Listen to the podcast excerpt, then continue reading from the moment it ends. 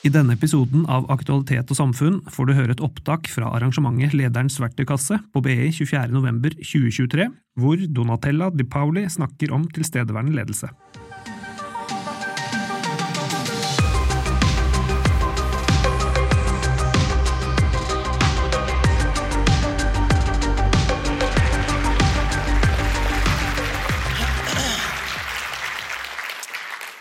Ja, jeg må jo si at eh, det er veldig gøy at eh, det er så mange som er her i dag og er interessert i dette temaet, som jeg startet med for tolv år siden, og kontorforskning for lenger siden.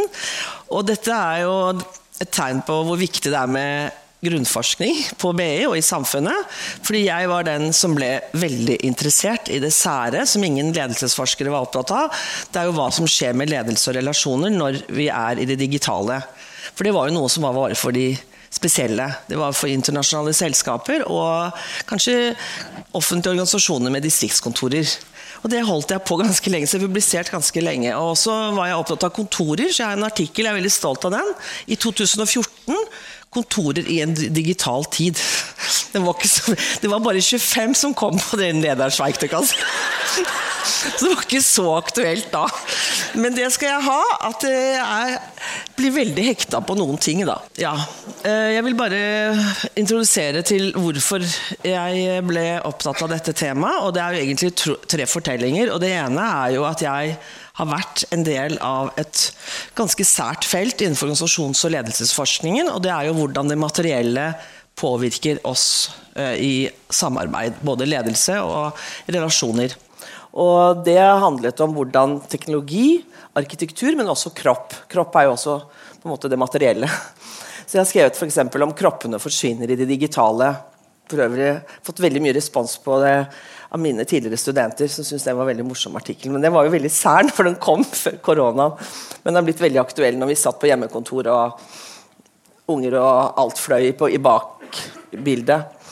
Og så er det en annen historie, er jo at uh, dette med Jeg, jeg har liksom tenkt altså for allerede 10-12 år siden på hva kan jeg bidra med i, fra mitt fagområde og min kompetanse på dette som er klodens største utfordring det er jo eh, oppheting av kloden, og så er det sånn klima. Så tenkte jeg at løsningen må jo være at vi kommuniserer og interagerer digitalt, så vi slipper å flytte på oss. Og så slipper vi å ha så mye kontorer. Uh, og faktisk under pandemien så gikk jo CO2 uh, uh, gikk jo ned 19% på verdensbasis. Så det er ikke ubetydelig. Men etter faktisk transport så er det kontor som forurenser mest. Og det er både for å bygge, vedlikeholde og holde de varme. Så faktisk så er dette som jeg snakker om nå, det er ikke bare en sånn jippi, så gøy med tilstedeværelse. Det er faktisk ganske viktig i dette med bærekraft.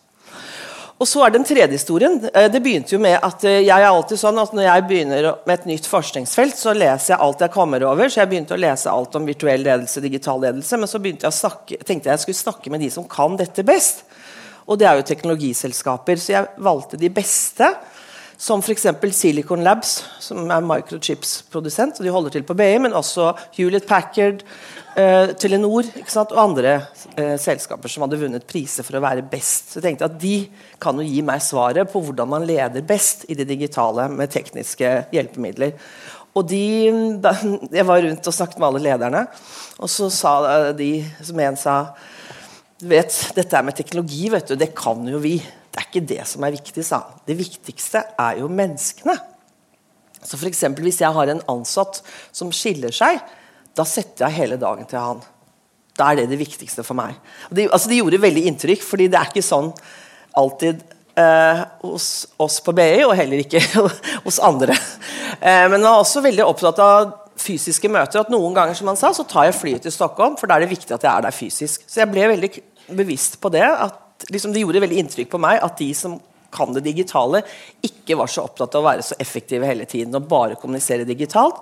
Og så var det en annen ting som var veldig slående, var at alle hadde veldig spennende kontorer. Lekfulle til og med Lego, sånn eget rom for legobygging. men også sånn sted du har lyst til å være, hvor du slapper av. Mat, eh, lukter, eh, planter. Og det er også veldig, og det er jo som, fordi de, de vil jo tiltrekke seg de beste, og de vil beholde. De vil at folk skal ha lyst til å komme på jobben. Så det var også veldig utslagsgivende for mye av det jeg skriver om i boken. Og en ting til må jeg nevne, som ikke er at jeg eh, etablerte et eh, på BI for fem år siden, før koronaen, som het 'Tilstedeværende ledelse i det digitale'. Og da hadde jeg, og Det er mange av dere som er her i dag, og dere trodde jo på ideen min. Og vi hadde 30 stykker, faktisk. Og var jo, de har også vært veldig viktige. Og Dette var jo året før pandemien. Og så etter pandemien så var det ikke nødvendig å si noe om hvorfor dette er aktuelt. da. Men det er jo litt viktig at jeg nevner de som har vært viktige for å inspirere meg. Nå er det slik at uh, denne forelesningen den eh, har jeg lagt opp som en eh, storytelling-teknikk, fordi jeg har forsket på det òg. Hvordan vi skal kommunisere det digitale. Da må vi lære av film, TV, teater. Så hele, så hele denne historien jeg skal fortelle til dere nå, den handler faktisk om eh, protagonisten, hovedpersonen. Altså Enhver god historie har en hovedperson. Og hvem er hovedpersonen her? Jo, det er jo dere. Det er jo deg som sitter og leder 10-15 mer, eller medarbeiderne som skal håndtere mange baller. ikke sant? Så dere som sitter her i salen, er hovedpersonen. Eh, og så er det slik at Enhver god historie har også en antagonist. Motkrefter, noen som jobber imot. Og det som er motkreftene her, er jo teknologien. Og altså og hybridkontoret. Alt på en måte det som vår arbeidshverdag er preget av. Og så er det slik at Enhver god historie så er det slik at protagonisten, hovedpersonen, dvs. Si dere, dere streber jo i hverdagen. Dere er jo helten, heltinnen, som prøver å få hverdagen til å komme sammen. Både jobb og privat. Og målet er jo det gode liv.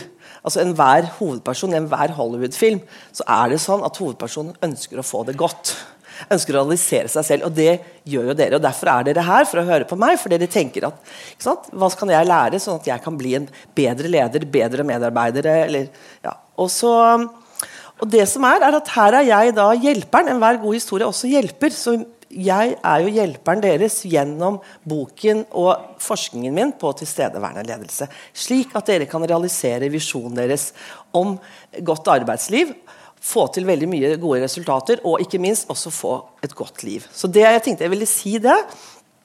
Eh, og det dere lever i nå, det er jo Skal vi se Det er kampen om tid og oppmerksomhet.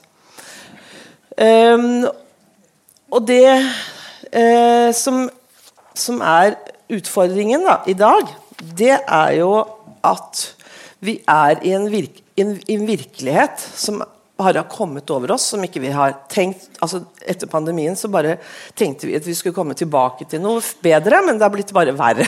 Det ser ikke ut, det blir liksom bare verre, det blir mer krevende. Og jeg snakker jo med ledere hele tiden, så jeg vet jo det. Og eh, denne, denne, kampen om tiden og oppmerksomhet, den gjør jo at eh, man rett og slett opplever at for å være liksom få til arbeidsoppgavene, være konsentrert, fokusere på det viktige. Man, liksom, man, man, makter ikke, og så vet man, sånn som mange sier, at jeg begynner hver dag med at jeg har visjoner om at jeg skal gjøre det og det, og det, og så kommer jeg hjem, eller på ettermiddagen klokken tre-fire, så har jeg ikke gjort noe av det jeg egentlig skulle. Jeg bare holder på med brannslukking, og så må jeg gjøre jobben min etter tre-fire. Og dette gjelder jo ledere i alle sektorer, bare så det er sagt.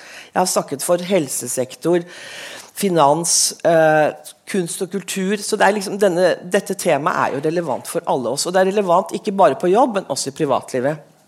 Men jeg vil jo ta som alle gode historier, så har alle gode historier også et tilbakeblikk. Og la oss ta tilbakeblikket før eh, pandemien. Det er jo viktig å minne oss på at dette med moderne kommunikasjonsmedia er jo veldig nytt. Det er jo bare 30 år siden vi fikk det. Jeg husker jeg kom fra Stanford University. Uh, og hadde, var i et konsulentfirma, så sa, rakk jeg opp hånden så sa jeg at jeg syns vi burde begynne med e-mail. Dette var i 94-95. Og så var det en som sa e-mail. Du, det er jo bare så det, Vi skal ikke være i front på teknologi. Ikke sant? Altså, jeg ble jo disset ned og var bare helt sånn ikke sant? E-mail i 1994. Og bare for å ta smarttelefon, Internett altså Sosiale medier det har jo bare kommet over oss de siste 10-15 årene hvor vi virkelig er inne i det. Men vi glemmer det, ikke sant? for vi bare går videre. Uh, og dette med liksom, ledelse i det digitale, og det vitner jo også de første bildene av dette om, det er at da er man i et videokonferanserom. Og jeg husker videokonferanserommet på BI. Det, det, var jo, For det første ble det nesten aldri brukt, men det, andre, det var ganske komplisert. Du måtte liksom booke det lang tid i forveien. Så det var jo det var ikke en egen greie, det der å sitte i videokonferanserom. Og da var man veldig sånn teknologisk og sånn virtual space. Det var noe helt spesielt. Og så, og så er det en annen ting som er viktig, er jo at det å, være, altså det å jobbe det var å være på kontoret. Og det var ikke så lenge siden at vi hadde stemplingsur. Og også om man ikke hadde det, så var det sånn at tilstedeværelse fysisk på jobben, det var jo tegn på at man gjorde noe. Ikke sant? Uh, og at ledelse, det var jo som management by walking around. Det er jo litt vanskelig i dag. For det er ingen som sitter på kontorene sine. uh, det, og vi hadde også et veldig sånn skille mellom jobb og privatliv. Ikke sant?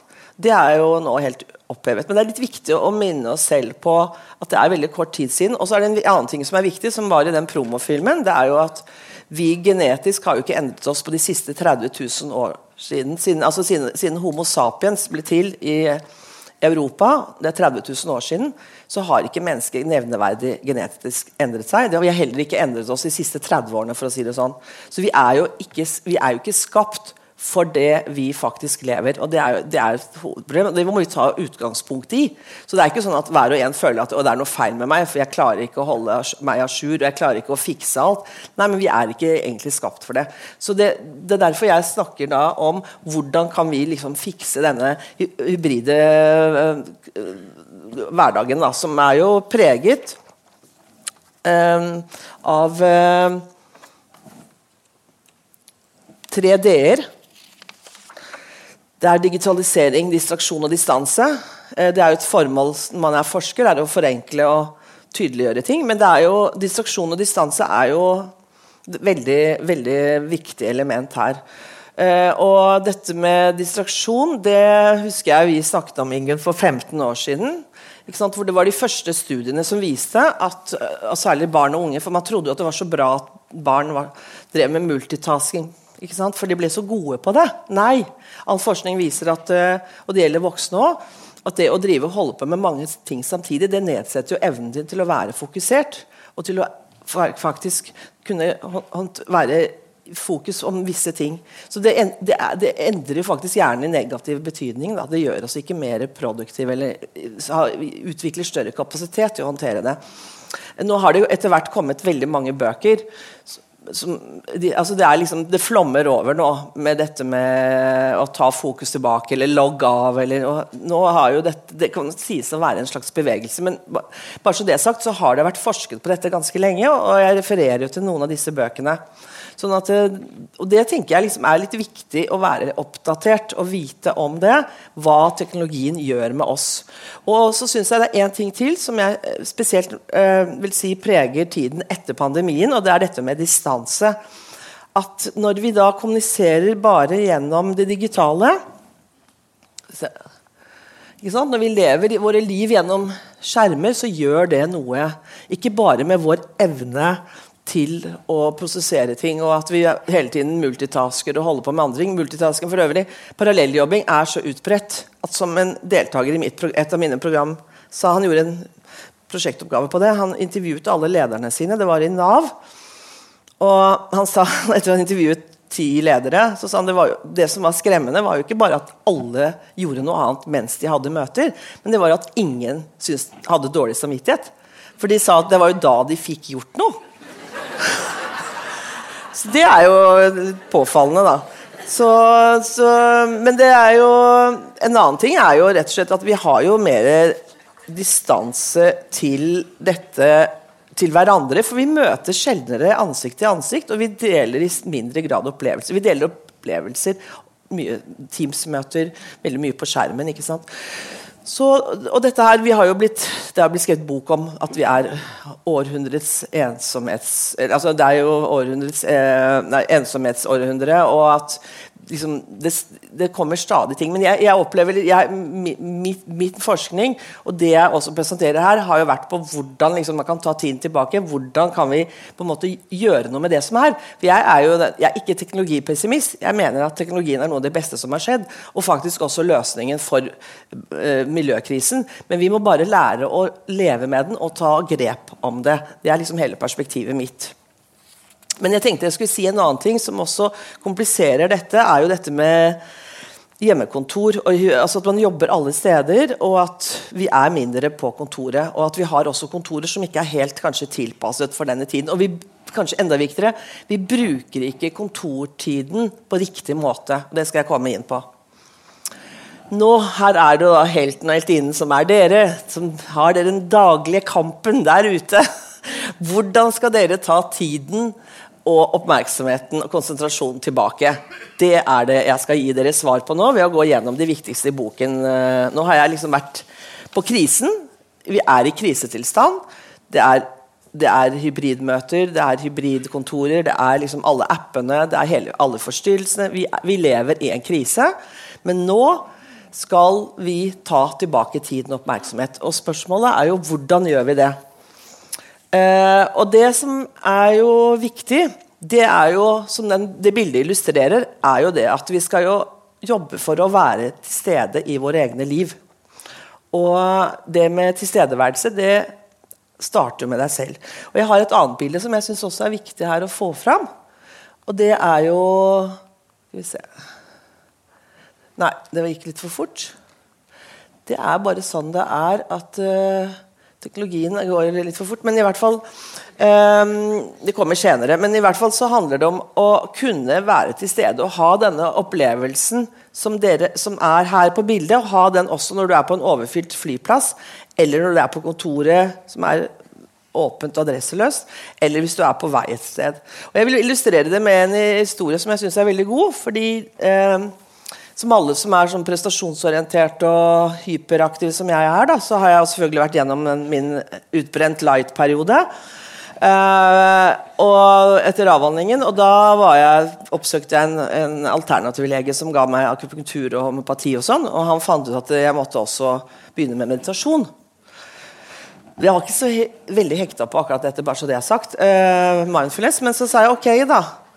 Men da må du komme hjem til meg, for jeg har innredet underetasjen hvor jeg har sånne sessions. Ok, Så jeg kom ned, og det var litt esoterisk, for det var jo røkelse og puter og buddha-figurer, for han hadde vært i India og studert Han hadde en egen sånn uh, guru som han var tilhenger av, så jeg følte meg veldig fremmedgjort. Uh, og, litt, uh, ja. og så sier han uh, Når er det du føler deg liksom mest stresset? Jo, jeg føler meg mest stresset når jeg er på reise, når jeg er på flyplasser. Uh, jeg jeg syns det er veldig slitsomt. Jeg må reise en del i jobben min. Og så sa han hvor føler du deg mest avslappet? Nei, det er jo enten når jeg er på en fjelltopp, eller når jeg er i huset mitt i Italia. Fordi det er en olivendal, og der får jeg sånn total ro. Og så spør han meg vil du oppleve å være på toppen av et fjell eller i huset ditt i Italia når du er på en overfylt flyplass. Og da svarer man selvfølgelig ja. Det har man jo lyst til å lære seg. Og da, om, altså da klarte han å omvende meg til å begynne med meditasjon. Jeg gjør ikke det nå, men jeg må si det at det, det har vært en reise.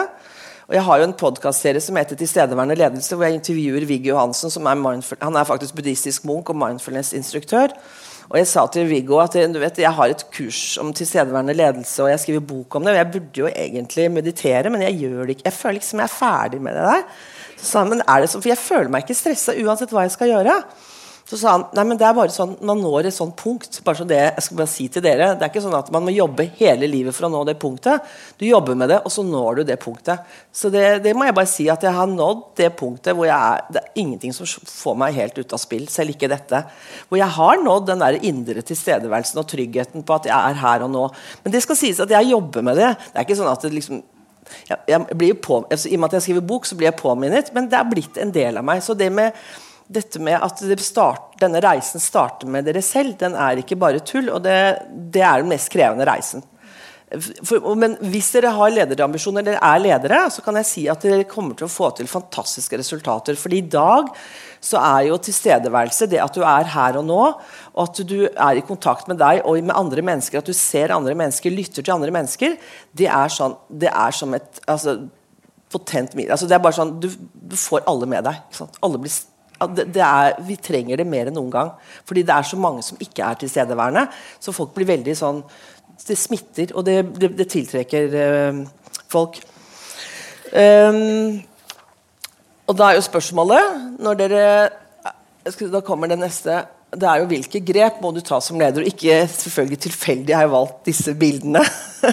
At uh, du driver med pilates på en strand. ikke sant? Fordi det er jo det vi må tenke at lederen må jo være en slags instruktør egentlig i veien mot større tilstedeværelse for menneskene. Og Det er jo rart at, på, at jeg står her på Norges Handelshøyskolen BI og snakker om tilstedeværelse, mindfulness og det å være i kroppen. Fordi hele bedriftsøkonomfaget har jo blitt opprettet for det motsatte. Det er jo å være effektive.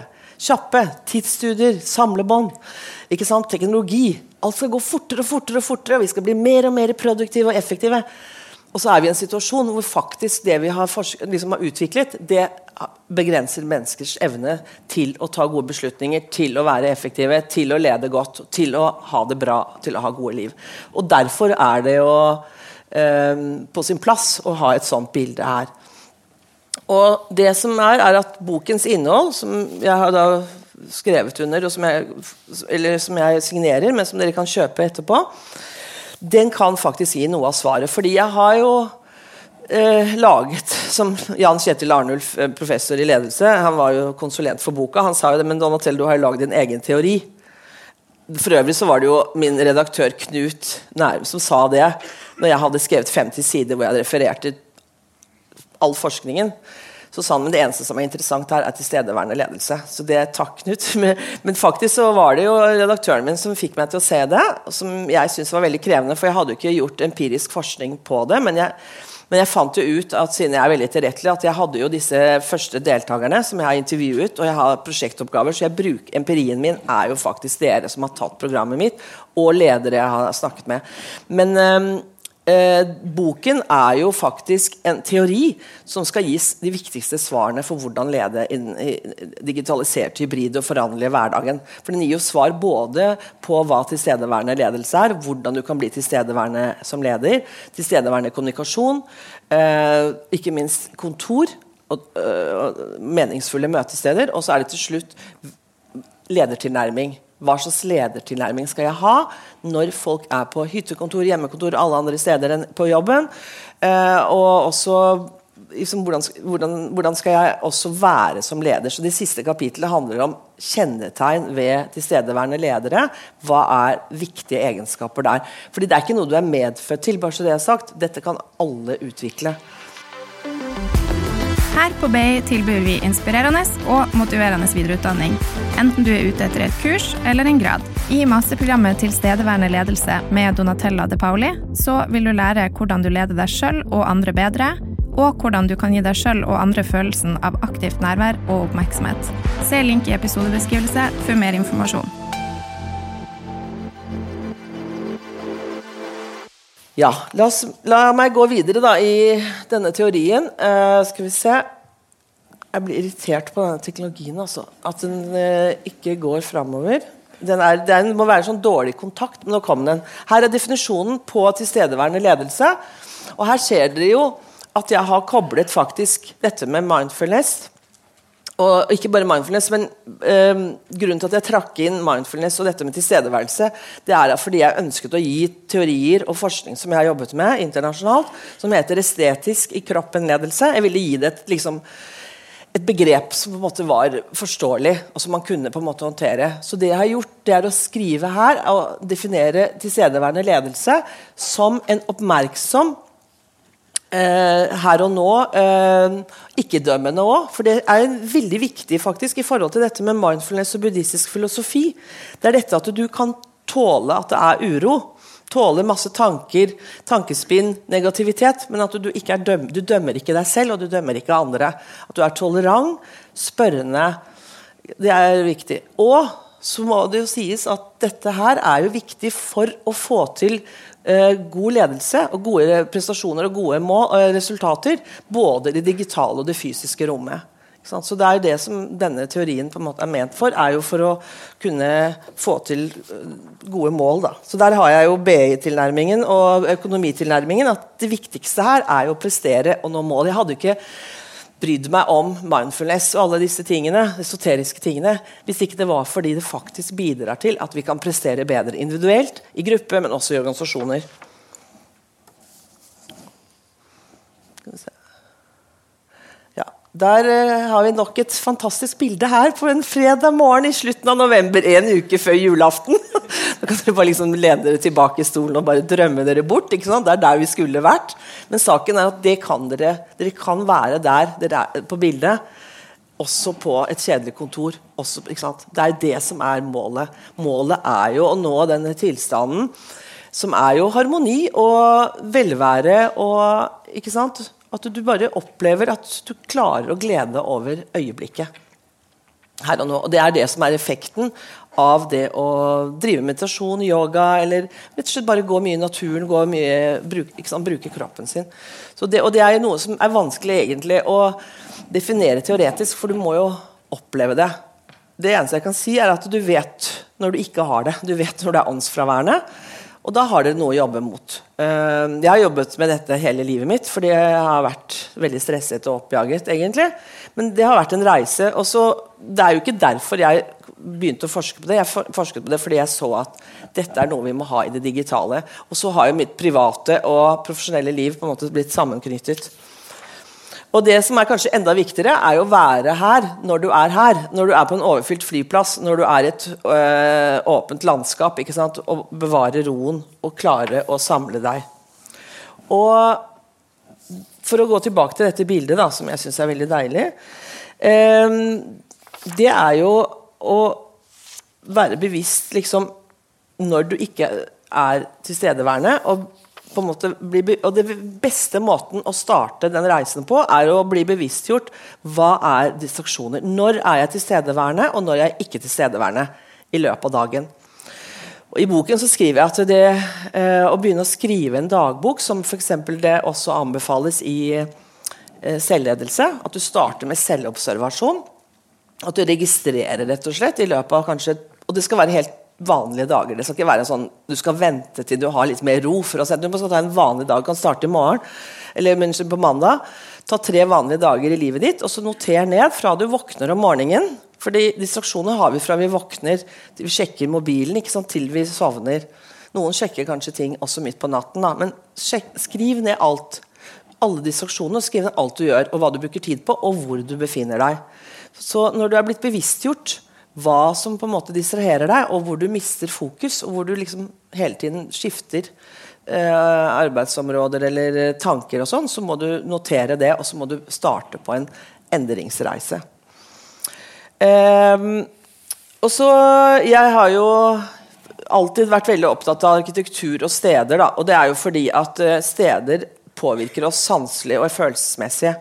Og det har faktisk blitt en renessanse for det. At man er blitt mer opptatt av å være på steder som påvirker deg. Fordi nå i dag så er det ikke nok med at du bare driver selvobservasjon og begynner med mindfulness. Du må også søke steder som innbyr til tilstedeværelse. Og det er jo veldig forskjellig. ikke sant? Noen liker å være en italiensk landsby som jeg. Noen liker å være i det norske fjellet med storm og orkan og sånn. ikke sant? Det, men det må man jo velge hva man liker. Men til, begge deler gir jo tilstedeværelse. Men liksom finne ut for deg selv hvor, hvilke steder er det jeg opplever gjør at jeg slapper av og jeg er helt hjemme. Og kanskje kan dere finne nye steder òg. Ehm, ja, jeg har også i boken Jeg rekker jo ikke å gå gjennom alt, men jeg har også råd om hva man skal gjøre med digital tretthet, som forekommer. Jeg vet om mange ledere som har dager som er fra morgen til kveld bare med Teams-møter. Eh, ikke sant? Hvordan man skal håndtere det. Så jeg, jeg skal ikke gå gjennom alt her. Eh, jeg har også tips i forhold til dette med stress og uro, hva man skal gjøre. Man må legge inn rett og slett mye mer bevegelse og sport. Og, altså gjøre ting i løpet av dagen. Eh, og være original og liksom kreativ, rett og slett. Bare tenke annerledes. Fordi vi vet at den produktive teknologiske hverdagen, liksom, såkalt produktiv, er ikke produktiv lenger. Så da må vi finne måter å hente oss inn i. En annen, eh, en annen problem er jo at teknologien er grenseløs. I hvert fall i Norge, hvor det er internettdekning overalt. Eh, sånn at eh, En deltaker i mitt program jeg, jeg, har jo program som går på moderne ledelsesteori og masse teoretiske bøker. og alt, Men en deltaker sa at det beste hun hadde fått ut av programmet, var at hun hadde funnet ut som uh, markedssjef i et uh, større, større, organisasjon at hun kunne legge bort mobilen sin. At ikke hun trengte å svare den. Og det hadde revolusjonert hverdagen og livet hennes. Jeg synes det var litt sånn, ja, ja, jeg skulle ønske liksom, du hadde kanskje fått mer sånn intellektuelle, filosofiske betraktninger. Men jeg er veldig glad for at noe så enkelt Men hun trengte å gå og, og, og, ta et program, snakke med andre selvfølgelig, hun har lært mye mer, men at hun bare klarte, som et veldig sånn flink, flink dame som alltid presterer, å finne ut av at hun la mobilen sin i et annet rom med lyd men, og hun, hun, sa fra til fordi hun fikk ganske mye negativ respons på at hun ikke svarte mailer og uh, meldinger he, uh, som hun pleide. Så hun fikk ganske mye For hun gjorde det på slutten av dagen. Hun samlet all kommunikasjon til slutten av dagen. Og sa endelig så fikk jeg gjort ting, og endelig fikk jeg konsentrert meg. Men hun avklarte da med folk. Og da var det jo klart at det hjalp å ha et BV-program i ryggen. da Og si bare liksom dette her har jeg nå lært. ikke sant En annen Uh, en annet eh, element som jeg vier tid i boken, er dette med tilstedeværende kommunikasjon. Og for de som kjenner til uh, Michelangelo, så er jo dette i Det sixtinske kapell. Da ja, Gud skaper Adam. Jeg syns det er veldig flott, fordi det illustrerer egentlig dette med kontakt. Og jeg opplever veldig mye av den kommunikasjonen vi har i dag, er jo kontaktløs. Og den er jo ikke helt til stede. Og det spiller ingen rolle i hvilke medier du snakker. Det spiller ingen rolle om du er fysisk i rommet òg. Det var en av min første oppdagelse da jeg begynte å forske på dette. var jo at Jeg trodde fysiske møter var fysiske møter og digitale var digitale. Så viste det seg at det fysiske møter da satt jo alle med PC-er og sjekket mail.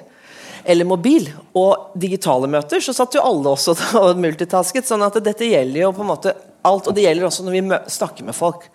Og jeg må bare svare på den meldingen. Å nei, jeg må bare gjøre det, ikke sant? Så vi er sånn hele tiden. Så Derfor er tilstedeværende kommunikasjon veldig viktig. Og som jeg skriver her, er at tilstedeværende ledere de, er, de blir lyttet til, de inngir tillit og skaper en god relasjon til sine medarbeidere. Det er jo ikke mer komplisert enn som så, men fordi vi er år 2023 og vi lever denne hverdagen øh, med den teknologien og det hybride som vi gjør, så må dette nevnes. Dette er jo noe som Hvis jeg hadde stått her og sagt det for 30 år siden, så hadde folk bare sagt ja, men dette vet vi jo. Dette er jo egentlig jævlig banalt. Ja, Men i dag er det faktisk, selv om det er banalt, så er det veldig nødvendig å si det. Um, og hvordan er det man kan få til tilstedeværende kommunikasjon? da? også digitalt. Og det var jo det som en deltaker sa i mitt program, at det beste med programmet mitt var at hun lærte at tilstedeværelse ikke handlet bare om å være fysisk til stede, men faktisk du kan være veldig tilstedeværende også digitalt. Og det handler jo selvfølgelig om at du faktisk responderer når noen har gjort noe bra. At du sender en SMS, du viser en telefon. Ehm, så tilstedeværelse kan absolutt, eller bør få et digitalt avtrykk. Eh, men eh, når det er sagt, så tenker jeg at det viktigste, enten det digitale og det fysiske, er jo dette med å lytte. Og gi folk oppmerksomhet og være der. Og huske hva de sier. Eh, jeg kommer jo med veldig konkrete råd. Det er jo noe som er veldig ubehagelig for forskere. fordi si på den ene og den andre siden, Men her kan jeg faktisk gi veldig konkrete råd når det gjelder digitale møter versus fysiske. Fordi forskningen er entydig, og all erfaring jeg har fra mine deltakere og ledere jeg har snakket med, det er at det, det hybride er ikke effektivt. Det kan jeg bare si, at Det mest effektive er å rendyrke enten eh, fullt, altså at alle er digitalt påkobla, eller at alle er fysisk. Så det, det hybride er ikke produktivt og effektivt. Jeg ser at det er noen ganger at du må ha hybride møter. Men mitt eh, råd i boken er å unngå det. Og spesielt unngå det der hvor det er rom for misforståelse, eller der hvor du trenger å forankre ting. Eh, så der går jeg ganske tydelig ut, faktisk. Og Det som er at det er så nytt fenomen at det er jo ikke sånn at det er blitt forsket på det. publisert tar jo tre år fra en, man har en idé til at det blir publisert en journal. Eh, men jeg kan bare si det helt sikkert at det, med utgangspunkt i 10-15 års forskning på digital kommunikasjon og ledelse, er at det er ikke produktivt på noen måte å være uh, hybrid. Så det er en, en sånn tilpasning som vi har gjort fordi vi skal tekkes alle alle, på en måte. Men, men, men, men du, på en måte du, Her kommer vi tilbake til protagonisten, dere. Hvis dere skal få til det dere ønsker i din organisasjon som leder, medarbeider, så er dette her ineffektivt. Bare å si det sånn. Ja, takk. Eh, jeg har også La oss gå tilbake til denne her.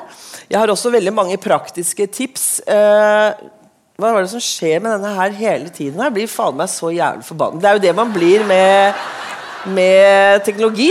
Ikke sant? Her plutselig hopper den til liksom første powerpoint. Nei, og nå er vi langt framme. Jeg burde hatt en assistent der som gjorde dette nå. Ja. Uh, jeg får bare holde der. Men jeg har i hvert fall veldig mange praktiske tips for digitale møter. Og det som jeg vil ta, det er jo inspirasjonen, og ikke bare inspirasjonen, men kompetansen som jeg bruker fra film, TV, teater. Og der har jeg forsket med kollegaer og andre utenlandet som, som går jo på rett og slett hva kan vi lære i en digital tid av uh, bransjer som nummer én kan digital uh, formidling og underholdning, ikke minst TV og film. Planlegg ethvert digitalt møte, i hvert fall viktige møter, som om det er en TV-produksjon. Og det vil si at, som i en artikkel jeg har skrevet med Terje Gaustad, at du må, en, du må være egentlig både filmprodusent, filmregissør, Uh, og også skuespiller. ikke sant? Og Det er ikke sikkert du kan ta alle roller, så det kan være lurt å ha en produksjonsassistent. Noen som kan støtte deg.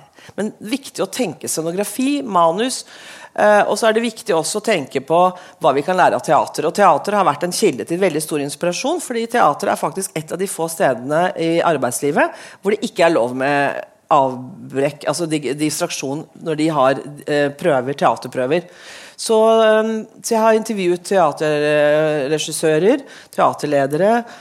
Til og med ansatt Tom Revlo. Så glad jeg er blitt i teateret. Eh, fordi det er jo noe med å lære av eh, å få inspirasjon fra andre steder. Og, og teatret lever jo ikke hvis ikke folk er til stede, og hvis ikke de klarer å bruke seg selv og sin person og sine følelser og være på en måte helt her og nå jeg, også dette som jeg gjør nå, med å fortelle dere Holde dette foredraget med bilder, og også eh, bygge det opp som en historie, det er, de, det er, den måten vi skal kommunisere på. For de få møtene vi har, fysiske eller digitale, det blir enda viktigere at vi, sam, at vi engasjerer. Og vi, engasjerer, vi, må engasjere med følelsene. For vi, altså Teknologien gjør at alt blir veldig saksrettet og effektivt. Det viser jo all forskning på digitale møter. Men vi, vi mister jo på en måte folks engasjement. Så det, det, må vi ta inn igjen. Og det er viktig når vi, da, når vi står utenfor, overfor ganske store utfordringer. Um, ja. Og så er det dette med kontor, som jeg har forsket på veldig mye. Og jeg har forsket mye på åpne uh, landskap, adresseløse. Uh, det er det som, altså det som, er mest aktuelt i dag. Aktivitetsbaserte arbeidsplasser, kontorplasser. Det er jo at du kommer om morgenen, og så har du stillekontorer, du har Eh, teamkontorer som du kan logge deg inn på. Du har kanskje eh, kontor, eller møterom for digitale møter. Eller du har en sofaplass, sofaplass, kan bare sitte og slappe av. Men det som blir viktig i dag, det er som leder, er å bruke kontor som et ledelsesverktøy. Og kontor har jo vært sånn som teknologi. teknologi mens teknologien var jo ansvaret for IT-avdelingen, så var jo da kontor det var jo eiendomsavdelingen. Og dessverre så er det sånn fremdeles. Og, og, hvis man skulle lage nye kontorer, så var det arkitekter ingeniørarkitekter som bestemte hvordan det skulle se ut hos deg. Men nå må faktisk alle ledere og medarbeidere også, mener jeg, ha en mening om kontor. Og ikke bare faktisk hvordan vi skal sitte åpne eller lukket, men vi må også ha litt bevissthet i forhold til hva er skillelinjene her, hva trenger vi?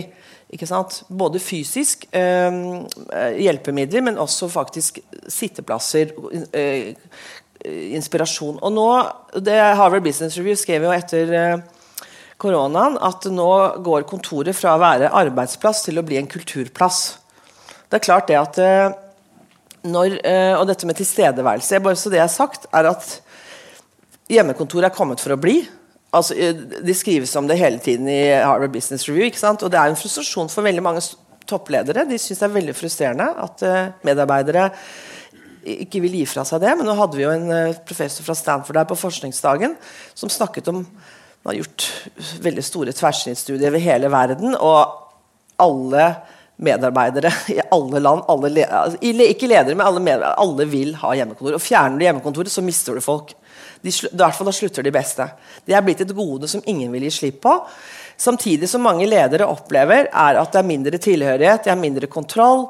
Og jeg vet at det er noen som er freeridere som ikke jobber godt nok på jobben. Så jo, som leder er du jo for å si Det sånn, det øker jo hele stressnivået, i tillegg til hybridmøtene og eh, alt det andre. Men det som blir viktig da, det er jo å være fokusert på eh, primærkontoret. og Hvordan bruker jeg det? Hva er viktig for å få folk til å komme på kontoret? Men hva er viktig også for å få dem til å bruke kontoret på riktig måte? Og det, skrevet, det er jo egentlig å lage en tilstedeværende organisasjonskultur det dreier seg om. Sånn at Når vi først er på kontoret, så må vi jo være til stede for hverandre. Da er det ikke sånn at vi skal bare løpe fra kontoret til kaffemaskinen i doen. ikke sant? Vi må jo da stoppe opp og være til stede for de vi møter. Og det er vi jo ikke nå. For nå er vi så bare inni vårt eget hode. Så det er jo egentlig en slags revolusjon da, jeg snakker om. Eh, en ny måte å tenke på faktisk om det fysiske. Og det som er paradoksalt, og det viste jo eh, pandemien, det var jo det at alle ble jo mer alle trodde at produktiviteten skulle gå ned. Men hva skjedde? Den gikk jo opp, nesten. Og frykefraværet gikk ned.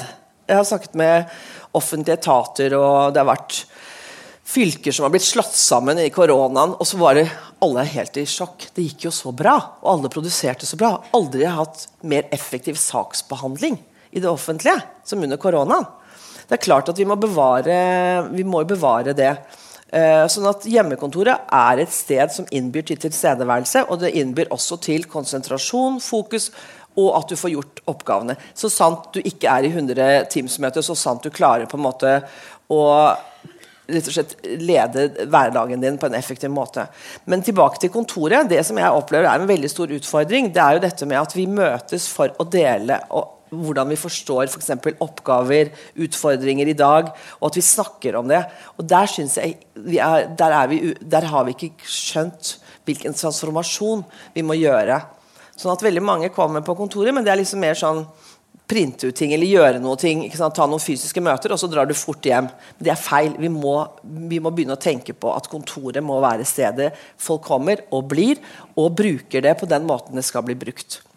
Hvordan vi skal gjøre det, har jeg ikke tenkt helt ut. Det må jeg bare si.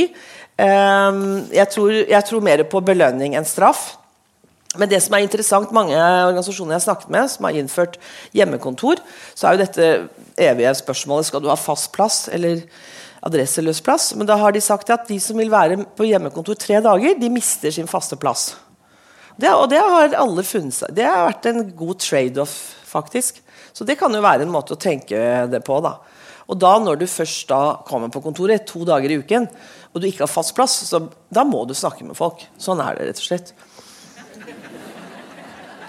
Uh, og så er det ledertilnærming. Og med ledertilnærming så menes jo hvordan du faktisk skal øve innflytelse. Altså hvilken på en måte lederstil eller led, Hvordan skal du påvirke mennesker ved tradisjonell ledelsesteori. Um, og uh, det som foreslås i, i den de første forskningen på digital ledelse, så var det enten at man tok total kontroll, kommando, eller at man rett og slett var distribu såkalt distribuert ledelse, dis altså de demokratisk ledelse.